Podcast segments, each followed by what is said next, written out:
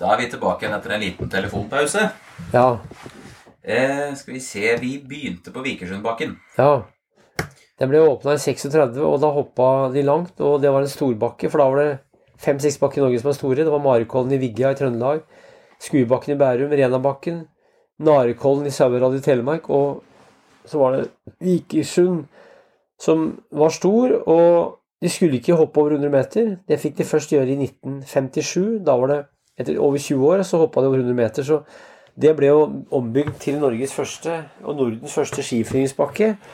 De hadde hoppa langt eh, allerede i slutten av 50-åra og i begynnelsen av 60-åra, men bygde om til midt i 60-tallet. Da hoppa de Bjørn Wirkola hoppa 106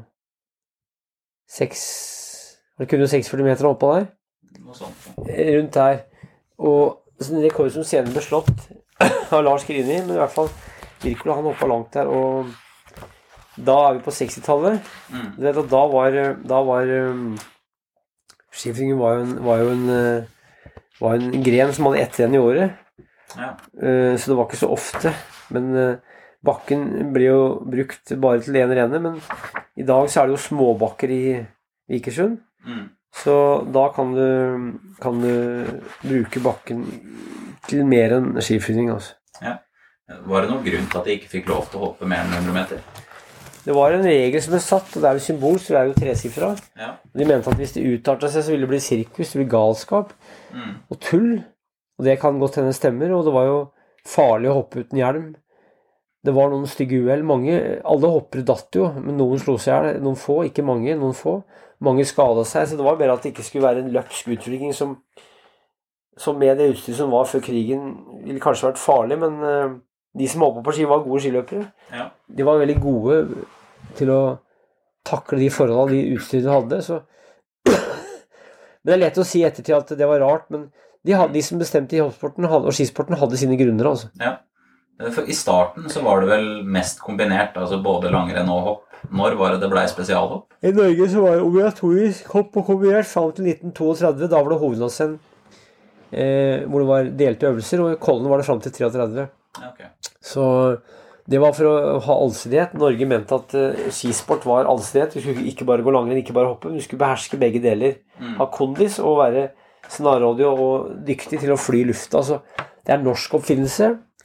Som, uh, det var mange andre også som drev med kombinerte utdanning, men i Norge var det mer tvungent i Skiforeningen. Og Skiforeningen var veldig konservativ, og de var veldig viktige myndige autoriteter i skisporten for å uttrykke og, og innvikle, kanskje, gjøre sporten vanskelig. Mm. Men det er norsk greie mest. Ja, eh, altså når vi snakker om lengdemåling, Ja. eh, snakka vi om litt tidligere, men eh, når var det det ble elektronisk?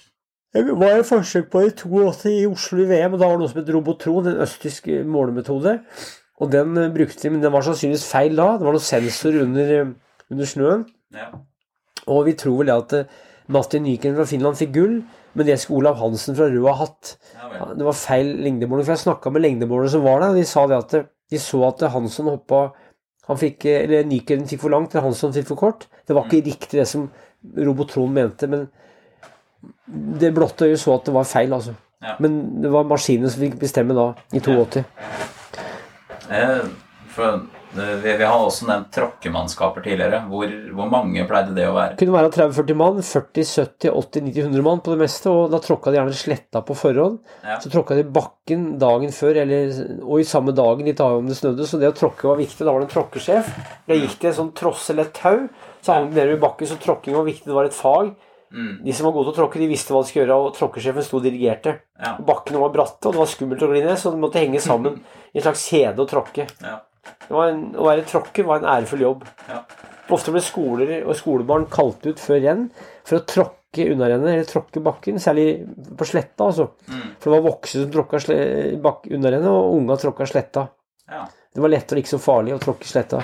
Når ble det brukt maskiner til det? Det kommer maskiner så vidt kanskje på 60-tallet, litt avhengig av hvilket land du er i. Men det kom jo Og de hadde jo sleder hvor de kunne ha ploger, og du kunne ha ting bak hesten. og så kunne preppe sleda, f.eks. for eksempel sle- sletta med slede. Mm. Så det fantes jo allerede på 50-tallet. Men det kom vel mer tråkkemaskiner på 70-tallet, så vidt jeg vet. Og Mm. så sent som på altså det, Og det var ofte patenter som lokale smelt- Petter Smart-typer hadde lagd. Så Det var ikke at de hadde råd til å kjøpe noe, men de lagde noe med noe traktor og vinsjer og forskjellig, så de lagde doninger og på 70-tallet som var mer effektive enn å håndtråkke, eller altså beintråkke, for det tok lang tid, og du måtte få ned snøen, og du måtte få lage planere ut og masse forskjellig. Det var mye å gjøre av en hoppbakke, mye vedlikehold og mye Hvis det snødde, så var det mye vedlikehold. Eller altså mye Du måtte måke unna snø og måtte lage spor og masse mekk med å lage hoppbakke hvis du skulle gjøre alt sjøl. Ja, og Det er jo uavhengig av størrelse på nå, egentlig. Ja, bakken den trenger vedlikehold selv om den er liten eller stor, og men det er klart mer arbeid er det i større bakker. Mm. Og da bakkene ble større, de blir stadig større, så var det mer vedlikehold og dyrere og vanskeligere å holde i drift. Ja. Åssen fikk de navn, eller fikk de navnene sine, de forskjellige bakkene? Ja, mange navn. Vi har jo, jo sjø, Sjømosbakken nede i, Kragerø. Det var jo fordi den var så skummel. Nakkebrekkeren var det som het. Døden på Hamar og Gjøvik. Eh, blodfallet oppe i Trøndelag, Trondheim. Så det var jo bakker som hadde navn fordi folk datt stygt der. Og fordi det lå kanskje ved en bestemt, eh, en bestemt eh, formasjon i terrenget. Du så Furukollen var et navn, Grankollen, Granåsen. Det er vanlige navn. Og så har du navn som eh, Sakopane, Chamonix Det er masse navn. Garmisch, Holmenkollen, Holmenkollen og forskjellige navn som tyder på noen Jordbærkollen var noe som het. Det er masse rare navn, altså. Ja. Kapittel i boka om det. ja. Skikkelig, jeg syns det er artig. ja. Har du noen favoritt blant de? Eh, favoritt blant de navna? Ja. Eh, jeg syns jo Nei, altså Det er det, er det derre Sjølmordsbakken og Jeg syns det er ganske artig at de døpte om noen bakker òg, fra Sjølmordsbakken til noe annet, for det var for skummelt, sånn at de skulle ikke skremme opera. Mm. Så noen bakker hadde skumle navn, så fikk de offisielt et fint navn for å ikke skremme så mye hoppere. Ja, ja, For å lokke litt Ja, ja. Det var noe oppe i Nord-Norge hvor det som het Sjømannsbakken ble døpt om til Var det Fageråsen et eller annet? Eller, eller, eller Fageråsen et eller annet? eh, Så det skulle ikke virke så skummelt. Ja. Eh, hva, altså Hoppbakken fikk jo tidlig lys. Det første var på Vålerenga 1899. Det var noe tidlig, og det var eh, kanskje en eller to vintre, og det var noen lamper der. Og så kom det en bakke på Kongsberg i 1820-åra, 1920-åra, Skauløkka, som hadde lys en vinter eller to. For den lå midt i byen, og var, byen hadde jo belysning, og gikk an å lage lys der. Men i Midtstubakken i Oslo fikk lys i 2.33 ca. Mm. Så da, det, var, det, det het ikke flomlys, det het lysbakke. Ja. Uttrykket flomlys kom etter krigen. Lysbakke. Ja. Det var en bakke med lys. En del hadde det før krigen, vi vet ikke hvor mange, men det var ikke mange før krigen. Men det kom særlig mange etter krigen. Og 40-, og 50- og 60-tall så var det mange bakker som fikk lys for første gang. Og da var det hopping på kvelden, ikke bare i mørket eller etter skolen i lyset. Eller på helgedager eller på fridager fra skolen eller arbeid. Ja. Altså, eh, Skolebakker, var det et initiativ fra si, høyere hold, eller var det noe Det var nok det, men altså mange tok initiativ selv. Mange lærere var interessert i å hoppe og interessert i skihopping, så jeg vet at eh, i Ringsaker kommune der jeg vokste opp, var det 29, bak 29 skoler i 19... Det er ikke så lenge siden det var 29 skoler der, og der tror jeg hver skole hadde hoppbakke. Ja. Og det var ofte to bakker, en liten og en stor. Men på Østlandet og i mange steder i Norge så var det skolebakke på hver eneste skole. Hvis det fantes en bakke i nærheten. Hvis det ikke var noen bakke, så lagde de en bakke i nærheten. Så skolebakker var det hundrevis av i Norge.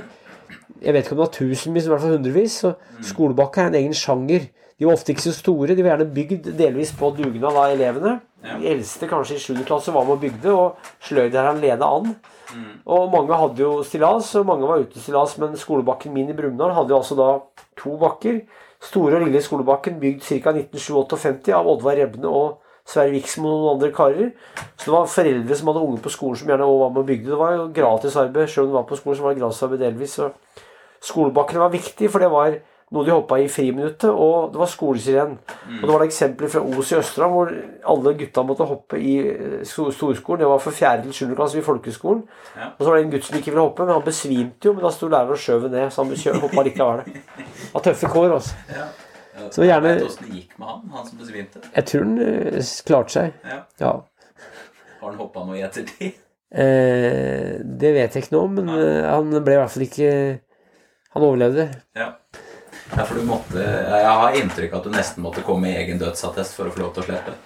Det var veldig stas og status å hoppe på ski, og en gutt skulle være tøff, han skulle være modig.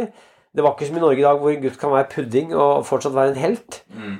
sånn var det ikke i Norge for 50-60-70 år siden. Var det gutt, så skulle du være tøff.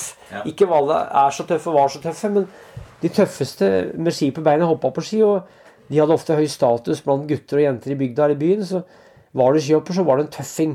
Mm. Da, da turte du å øh, stå på ski i stor fart. Du turte å sveve lufta i høyden og beherske elementene.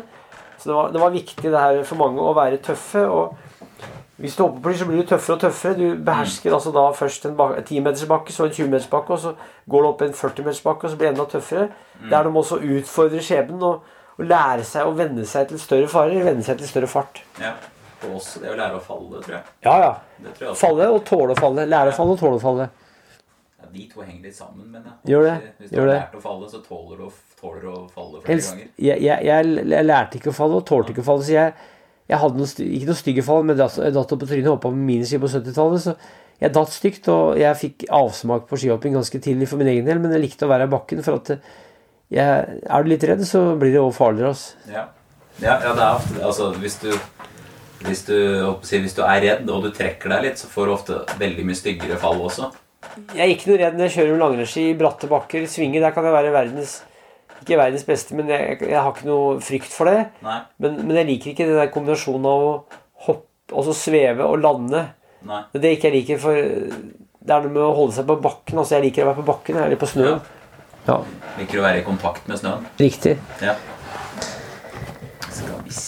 Da. Eh, Det, har du for så vidt også nevnt litt tidligere i da en tidligere episode. Dette blir litt rart, for vi spiller inn begge to på samme dagen. Men eh, det med normer og teknikk og sånn, hvordan det tilpasser, forskjell, tilpasser seg forskjellige bakker. Kan du si litt mer De minste bakkene, der hoppa du I begynnelsen var det rakstil. Vi sto rett opp i lufta. Rak er rett på telemarks. Og så begynte noen å legge seg på i større bakker.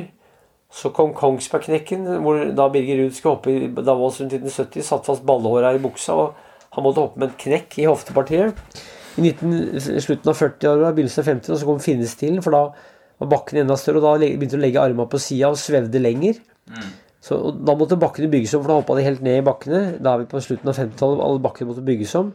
Og så kom Boklövstilen i 1985. Fra, han hoppa, Jan Boklöv fra Sverige hoppa i Falun på sommeren 1985. og Han øh, hoppa ganske skre, Han skreva ut, og det gikk langt. Uh, Mislykka hopp. Han tok et nytt forsøk, skrev enda mer, enda mer musikka. Det gikk enda lenger, og skjønte at nå er jeg på sporet av et eller annet. og han begynte å hoppe sånn i renn og fikk dårlig stilkarakter. Hoppa langt, og etter hvert så ble han dømt så bra at han, i i 89 vant World Cup på den nye V-stilen som det het, som stadig utvikler seg. Som sikkert har utvikla seg enda òg. Jeg er ikke noen ekspert på stil, men og da måtte bakkene bygges om enda en gang. Ja. Så han, har sagt 'jeg er verdens dyreste skihopper', så hadde han sagt. Eh, Veit du når de begynte å få heiser i bakkene? Heiser fra USA fantes det før krigen. Jeg vet ikke om det fantes i Norge før krigen, men jeg har hørt at det fantes i USA. I hvert fall i alpinbakker, men sannsynligvis i hoppbakker. Og for noen sa nå alpinbakken og hoppbakken ved siden av hverandre. Men eh, Martin Nyken, som er født i 63 i Finland, i, i, vokste opp i Jyväskylä, han hadde heis på 70-tallet, og det hadde mye å si, for da kunne han hoppe 100 hopp om dagen. Mm. Så noe av grunnen til Nykens suksess var at han lærte å hoppe på ski etter hvert. da. Han var jo kombinertløper òg. Mm. Eh, Så hoppa han i en bakke hvor han hadde heis, og da kom opp, på det, opp veldig kjapt. Ja. Så heisene kom eh, vel i Norge på Jeg tror de kom egentlig på 80-tallet her i Norge, men de kom andre steder, kanskje i Øst-Tyskland litt før. Men, men at det var i Finland og på 70-tallet, så det var, det var ikke mange som hadde heis før krigen. Kanskje i USA, som jeg sa. Mm. Eh, Men at det kom i Tyskland på 50-tallet og Norge en del år senere, for Norge var eh, litt aktivt Altså, det lå ikke, lå ikke bak, men det var ikke det landet med størst teknisk nyvinninger innen hoppsport. Men det var et land med stor interesse blant aktive og publikum. Ja. Eh, altså, det er noen typer som nevnes i boka di. F.eks. Henry Ulland, som bygde sin egen hoppbakke. Ja, Er det flere eksempler på det? Han bygde sin egen hoppbakke ved Flekkefjord. Det er flere eksempler på det, og han Ja. bygde jo Jeg bygde hvor det ikke er så mye snø. Ja.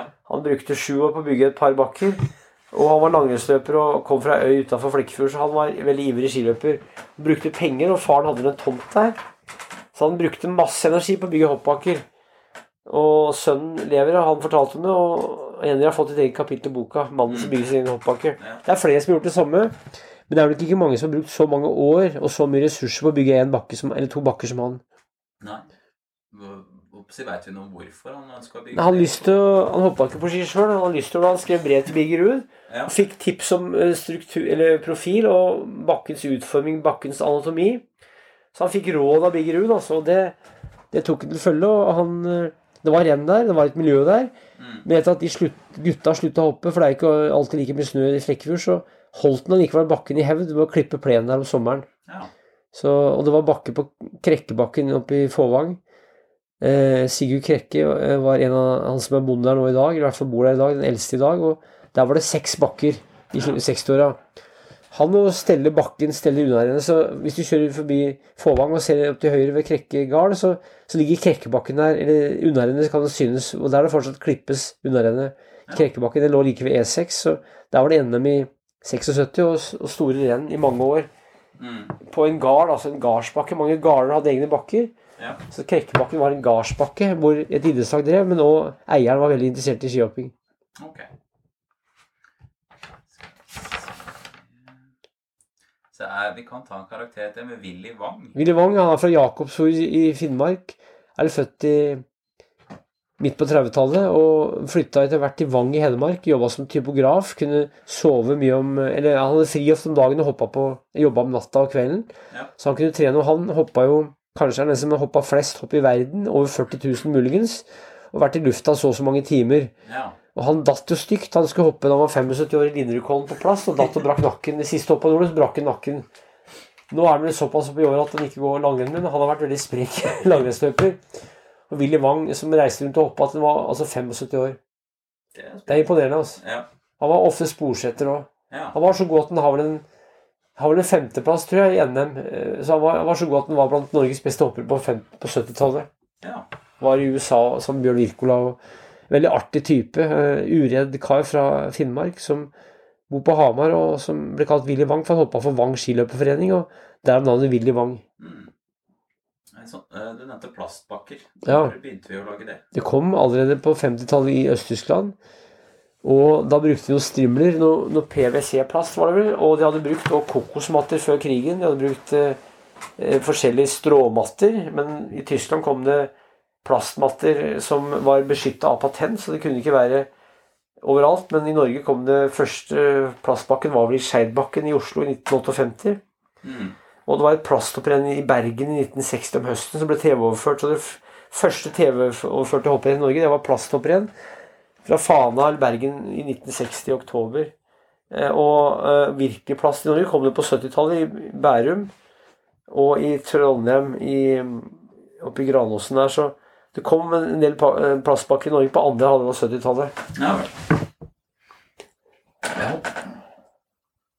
Altså, hvordan trente man for å hoppe best mulig tidligere?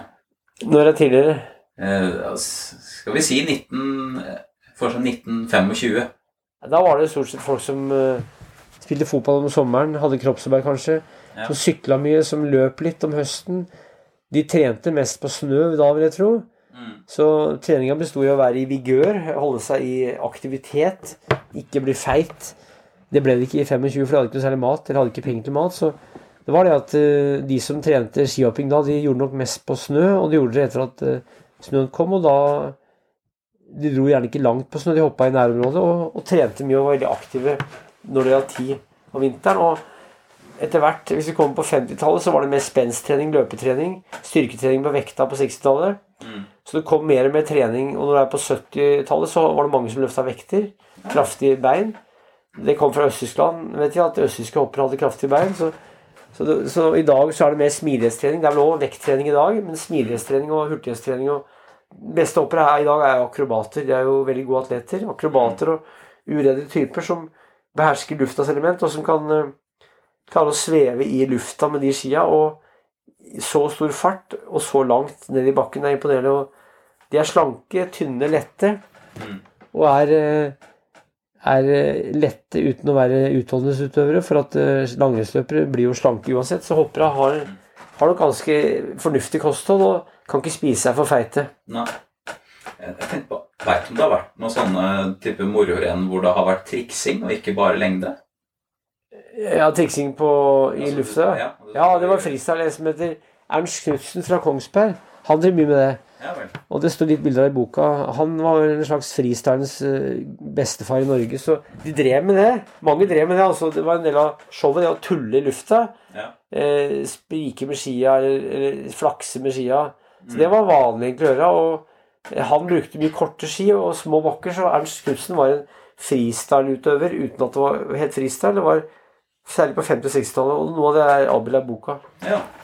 Altså, Åssen status hadde de rennene i forhold til vanlige hopprenn? Nei, det var mororenn, så det var mer eh, akkurat som du har tullerenn, eller tulleaktiviteter, så det var mer eh, publikum så på, likte det ofte godt, men det var ikke idrett på samme måten. Det var mer mor ren moro, og det var en overlevning fra hoppsportens tidlige år, så, så det, var, det, det var og har vært viktig bestandig, og, og det finnes fortsatt, tullerenn finnes fortsatt.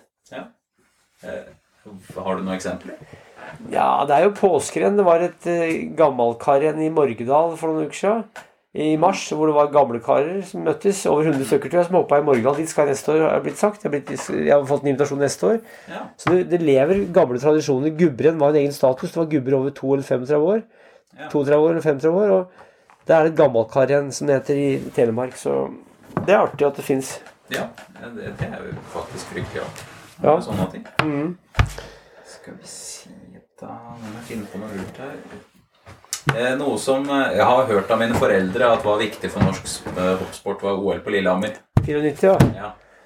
Da vant jo Espen Bredesen, og Norge tok revansj fra tidligere nederlag. Mm. Og det var, det var jo Det var jo mm, Det var jo mm, sånn at Sånn at Espen Bredesen ble vel Om ikke sist, eller jeg lurer på om han ble nest sist, det er i 92. ja. Og han vant jo på Lillehammer. Og han gjorde det bra året før han og Lasse Ottesen på, i Falun. Så Norge tok tilbake vintersporten. Vi hadde gode skiløpere, langrennsløpere, kombinertløpere og ski- hoppeskihoppere. Så Lillehammer-OL var en fest, altså. Jeg var der, jeg. Og det var helt magisk. Med masse tilskuere og solskinn og kaldt, fint vær og tørr snø oppe i Lillehammer, Lysgårdsbakken. Og det var veldig viktig for um, Norge, tror jeg, å få til et så vellykka OL på hjemmebane. Været var helt perfekt. og det begynte å snø rett når året var ferdig, og det var, det var helt strøkent vær hele tida. Kaldt, fint vintervær, sånn det er i Innlandet ofte i februar. ja. Har, har du dine egne teorier om hvordan framtidas hoppbakke vil se ut? Jeg har ikke så mye greie på det, for at jeg ser jo bare hva jeg liker av, um, av uh, Altså liker Jeg, jeg syns det er artig med skihopping hvis det er litt variasjon mellom løpere, men det er ofte ikke det. Så, så jeg, jeg skulle ønske at det var mer variasjon.